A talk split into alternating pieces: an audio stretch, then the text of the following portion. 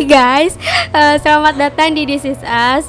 Jadi kemarin sesuai janji aku dan janji Putih bahwa kita akan bahas isu-isu yang men kami kira menarik untuk dibahas dan ya Putih menemukan satu berita headline berita di media media berita di Indonesia CNN itu judul beritanya apa teh kemarin teh? Pelecehan seksual I think it's not. Jadi judul beritanya itu kasus Rain Reinhard Sinaga. Eh, tunggu di scroll. Kalau di lama. Oke, jadi judul headline-nya ini kasus Reinhard Sinaga di Inggris bakal dibuat film dokumenter. Jadi kita kan bahas dulu siapa itu uh, Reinhardnya, terus uh, filmnya ini akan seperti apa, terus siapa yang memproduksinya. Jadi dari Putih dulu nih yang ngasih aku saran untuk membahas ini. Oke, jadi aku mau jelasin kenapa aku tertarik sama kasus ini ya. Soalnya kan kasus ini pernah pernah booming ya, pernah booming tahun berapa? Tahun 2019 gitu. Kalau nggak salah ya. Tahun 2019 kan pernah booming tuh kasus pelecehan seksual oleh RS. Jadi kita tahu kan ya, kasus RS ini adalah kasus terbanyak dan paling bersejarah di Inggris. Jadi kan ada muncul tuh berita tentang pembuatan film dari kasus ini. Jadi itu mungkin membuat kita penasaran nih gimana jadinya kasus ini difilmin gitu. Apakah nantinya akan sesuai dengan dengan kasusnya ataupun berbanding terbalik gitu. Oke, jadi kalau dari Putih sendiri dia itu tertarik bagaimana filmnya. Ya. Dan uh, bagaimana nanti tanggapan orang-orang apakah Putih akan menantikan hal itu tersebut juga? Iya, pasti. Oh. Karena kan ini bukan film biasa gitu. Ini film tentang seksual.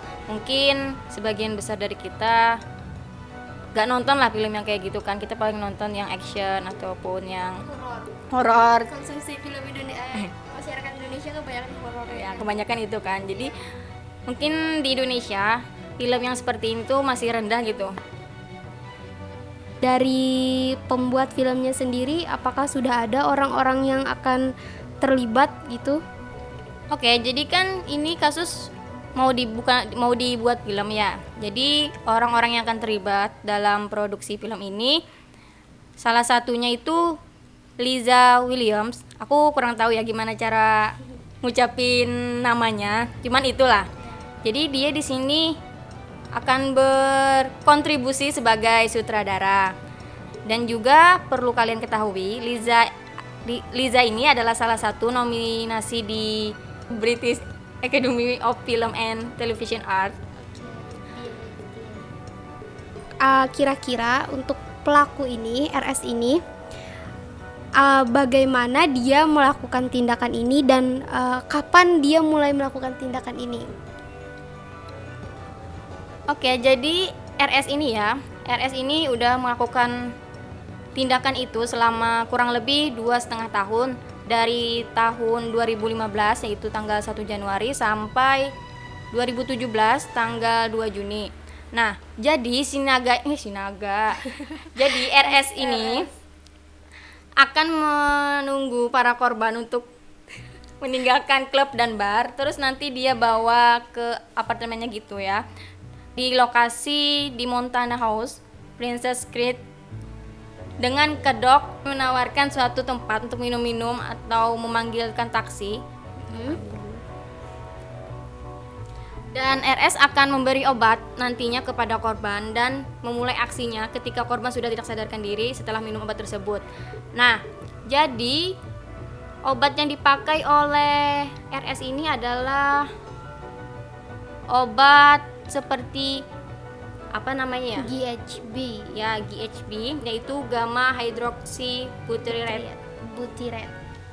Jadi efek yang ditimbulkan akibat mengkonsumsi GHB. obat tersebut adalah euforia yaitu menimbulkan efek yang membuat gairah seseorang memuncak gitu. jadi jadi setelah korban minum itu kan pingsan nah setelah pingsan si korban ini akan mengalami amnesia gitu jadi amnesia yang di yang terjadi pada si korban hanya berlaku sementara jadi setelah korban sadar korban tidak ingat apa pun dan tidak ingat kejadian apa pun yang telah mereka lakukan Oke. Oh ya, pantas di CNN itu dikatakan bahwa ketika ditanyakan kepada korban, kebanyakan dari mereka itu tidak sadar apa yang sudah terjadi ya kan, karena korban diberikan obat seperti GHB ini. Wow, kira-kira dari Putih sendiri tahu nggak nih motif kenapa jadi sampai RS ini melakukan penyimpangan tersebut? ya mungkin menurut aku ya. Kan RS nih tinggal di luar negeri kan ya. Nah di luar negeri kan beda beda kulturnya sama di Indonesia. Mungkin karena di sana bebas dan mungkin kurangnya apa ya kurangnya pengawasan dari orang tua mungkin menyebabkan dia melakukan hal tersebut. Jadi menurut Kila gimana nih Kil menurutmu kenapa jadi RS ini melakukan hal tersebut? Eh, kalau dari aku sendiri ya sama sih kurangnya pengawasan dan eh, apa namanya adanya kebebasan berperilaku kan di sana. Eh, dan kalau misalnya aku bisa bilang eh, kasus seperti ini bukan hanya si RS aja menurut aku. Banyak juga kok sepertinya orang yang melakukan hal tersebut ini maksudnya pemerkosaan itu. Cuman kan eh, tidak sebanyak yang dilakukan RS dan eh, yang dan karena ini berhubung di luar negeri ya kulturnya juga begitu jadi menurut aku untuk persidangan itu susah Kalau nggak salah sih ada 159 kasus pelecehan yang ia lakukan itu. wow that's that's a really high number. Ya gede banget sih itu. Jadi eh, menurut aku kayak kita biasanya juga temen-temen di luar negeri itu kan untuk apa sih istilahnya friends with benefit ya. Emang sesudah sudah apa ibaratnya persetujuan nih kita berdua setuju untuk melakukan hal tersebut. Tapi terkadang hal tersebut tidak diketahui orang kan jadinya. Jadi untuk kasus pelecehan ini tidak bisa dikatakan pelecehan karena kan tadi kembali lagi ini juga para mahasiswa aku baca itu mengatakan bahwa tuduhan ini juga sangat-sangat aneh kata mahasiswa di sana. Karena ini eh, masuk ke kategori kan kayak friends with benefit. Karena ini dua belah pihak setuju kok. Terus untuk korban yang difilmkan itu dia eh, akan mengatakan eh, apa namanya korban disetujui untuk difilmkan dengan dengan cara berpura-pura tidur. Oh berarti kasus pelecehan ini sambil difilmkan gitu? I, a- ya yang aku baca sih seperti itu. Jadi eh, menurut aku kayak nah kayak gitu kan itu sesuai persetujuan kan. Berat untuk tindakan pelecehannya sendiri menurut aku tidak ada, tapi cara mungkin dia melakukannya obat-obatan seperti itu tuh sih ya. Ya kan? We don't know too. Jadi aku sih si psiko psikologinya sih ya yang salah. Ya eh, kami harap uh, para anak psikologi nih eh anak psikologi bisa bisa meng- mengutarakan pendapatnya ya kenapa ada orang seperti ini gitu. Dan kenapa di Indonesia itu masih belum ada untuk memfir- memfilmkan seperti ini.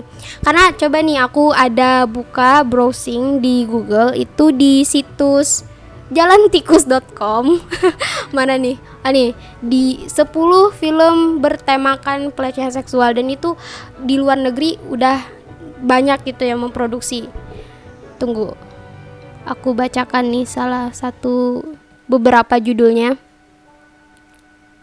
Ada The Hunting Ground tahun 2015 terus Audrey and Daisy tahun 2016 terus The Invisible War tahun 2012 sih baru nih kayak ini Bombshell 2019 ini terbaru banget nih wajib nonton Bisa nyata coy. Oke, eh, nanti aku nonton deh filmnya ini. Terus 2019 eh 2011 sorry. Jadi banyak banget film luar negeri yang untuk Indonesianya belum belum mungkin ada ya, cuman nggak nggak terlalu apa namanya? nggak terlalu hype mungkin ya. Eh sih, nanti sayangkan aku juga ada salah satu nonton film yang dari Thailand, Asia. Itu dia berceritakan tentang sexual harassment juga pelecehan seksual juga eh, di salah satu sekolah. Jadi eh, ini episode 1 sih. boleh nggak sih sebut sebut nama film tadi kan sebut nama film ada sih ya uh, jadi judul filmnya itu Girl from Nowhere episode satunya itu menceritakan tentang pelecehan seksual yang malah dilakukan oleh sekolah nah jadi salah satu gurunya itu uh, mengatakan bahwa kita harus ada seksu uh, edukasi seksual. Ya. Nah terus ada guru lain guru lain guru olahraga gitu dia bilang uh, uh, kenapa malah harus ada seperti itu? Itu nanti akan memancing anak-anak untuk melakukan seksual. Uh, bagaimana jika kita um, meng mengalihkan pelajaran seperti gimnastik kayak gitu-gitu kata gurunya yoga kayak gitu itu kan lebih bermanfaat kata guru olahraga tersebut. By the way, guru olahraganya cowok dan guru yang untuk me, uh, menyuarakan bahwa adanya edukasi seksual itu guru cewek. Jadi uh, ya sudah dilakukan hal tersebut. Ternyata setelah tidak uh, tidak satu minggu gitu beberapa hari aja ternyata udah ketahuan bahwa gurunya gurunya ini yang malah melakukan uh, seksual harassment gitu kepada anaknya. Guru olahraganya yang cowok ya. Rekomendasikan buat ganti yoga gitu? Yes that's right. Jadi kan kayaknya uh, itu sebenarnya kayak em, tabu banget gitu ya. Kayak ibaratnya tuh uh, ini film banget gitu klise banget. Tapi sebenarnya itu emang bisa terjadi gitu. Dan aku bisa bilang emang emang itu benar terjadi. Ada beberapa temanku yang uh, mengalami hal tersebut. Entah itu yang apa namanya udah yang ekstrim banget atau yang di cuma dipegang-pegang atau dilihat itu ada emang ada gitu. Jadi itu bukan hal yang tabu gitu. Makanya menurut aku untuk pendidikan ini sangat penting sih. Seperti ini gitu. Jadinya kan kasusnya ini jadinya banyak banget kan. Jadinya dia kan tanpa diedukasi tanpa diawas gitu jadinya jadinya uh, penyimpangan ini gitu. Ya, sebenarnya sih kita ya kurang kurang tahu gitu ya apa latar belakang si RS ini melakukan hal tersebut. Tapi menurut kita ya seperti itu tadi kurangnya edukasi dan kurangnya pengawasan oleh orang tua mungkin karena orang tuanya sibuk ya mungkin. Jadi kurang perhatian lah dari orang tuanya ya karena dia juga kuliahnya di luar kan itu buka dan dia aslinya di dari Jambi Indonesia. Indonesia. banget sih untuk mantap Ya jadi untuk anak-anak yang akan uh, berpendidik uh, menjalani pendidikan di luar negeri, tolong uh, mentalnya diperhatikan dan uh, pengawasannya lebih diperketat gitu. Kita saling menjaga dan saling merangkul. Saling merangkul. It's so sad to hear about this karena ya tadi kan temen aku juga ada beberapa yang kena seksual assault gitu. Uh, disudahkan kah? Atau ada yang mau dibahas? Putih lagi tambahan. Oke jadi di sini kita kan udah tadi bahas tentang pelecehan pelecehan seksualnya ya. Jadi di sini aku mau ngasih tahu aja. Jadi film seperti apa sih yang akan dibuat tentang RS ini? Jadi nanti kan kasus RS ini akan diangkat menjadi film dokumenter yang bertajuk Predator: The Conviction of Rehan Sinaga. Jadi dalam waktu dekat akan di akan di akan, mungkin akan diproduksi ya oleh sutradaranya tadi tuh. Terus aku juga baca salah satu kutipan dari Taila atau Sila ini aku nggak tahu ya cara bacanya gimana. Jadi nanti katanya film ini akan menceritakan tentang investigasi yang dilakukan secara terbuka dalam dua tahun sebelum kasus ini ya sebelum kasus ini diajukan ke persidangan dan ditetapkan sebagai maaf ya pemerkosa paling produktif sepanjang sejarah dan tidak hanya itu, film ini juga akan menyoroti sisi psikologi dari predator seksual ini seperti apa, kenapa jadi mem, kenapa jadi melakukan pelecehan tersebut. Wah, jadi pertanyaan kita nanti akan terjawab di filmnya gitu. Ya, Jadi pertanyaan-pertanyaan yang luas tentang pelecehan seksual ini yang mungkin akan terjawab di sini.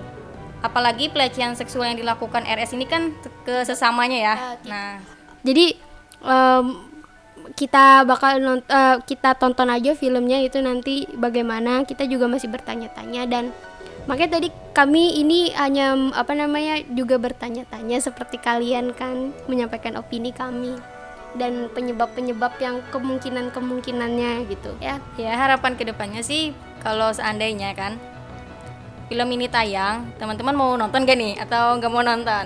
Tapi buat teman-teman yang mau nonton, harap bijak ya, harap filter apa pun yang teman lihat, apa pun yang teman tonton tuh mohon difilter. Mohon secara bijak teman-teman mengambil sisi edukasinya mungkin dari film tersebut. Jadi janganlah mentah-mentah mengambil sisi buruknya dari film tersebut karena kan tidak semua film gitu, tidak semua film mengajarkan sesuatu yang buruk. Dengan kita memfilter secara bijak, pasti kita akan mendapatkan pelajaran dari film tersebut. Mungkin dari Kila gimana nih Kil? Eh, aku pasti bakal nonton sih, mau banget gitu. Jadi kan eh, kita, eh, aku juga sebagai perempuan, jadinya tahu gimana nantinya akan mengatasi ketika aku di posisi eh di mana aku akan eh, di dilecehkan atau bagaimana. Jadinya kan akan tahu juga gitu bagaimana tindakan-tindakan yang harus dilakukan sebagai seorang eh, cewek ataupun cowok-cowok yang terlihat cantik di mata homo gitu ya bisa menjaga dirinya juga gitu oke jadi sekian sih dari dari aku itu aja sih Mungkin sekian sih dari kami. yes yes Mungkin itu aja dari kami dan semoga teman-teman ke depannya makin bijak lah dalam mencari hiburan atau su- Yes. apa sih namanya ya? tontonan Ya tontonan mungkin untuk teman-teman ikuti ya. dan jadi dijadikan pelajaran. Oke, jadi sekian eh, itu dari kami dari This Is Us dan itu hanya opini kami. Jadi jika teman-teman ada opini lain ya, dan atau tidak setuju, silahkan kita berdebat di Instagram. Berdebat sih lebih ke berdiskusi. Ya berdiskusi. Aku lebih suka debat sih. Buat anak debat nih. no no no no no. Ya jadi lebih apa namanya bisa sharing-sharing pikiran gitu. Eh, terus take care of your health, enjoy your day. Jaga kesehatan, jangan sakit karena sehat itu mahal. Oke, jadi ini juga udah ah, mau ajan. ini udah mau ajan, jadi sekian dari kami. Bye bye. See you. Annyeong. Annyeong.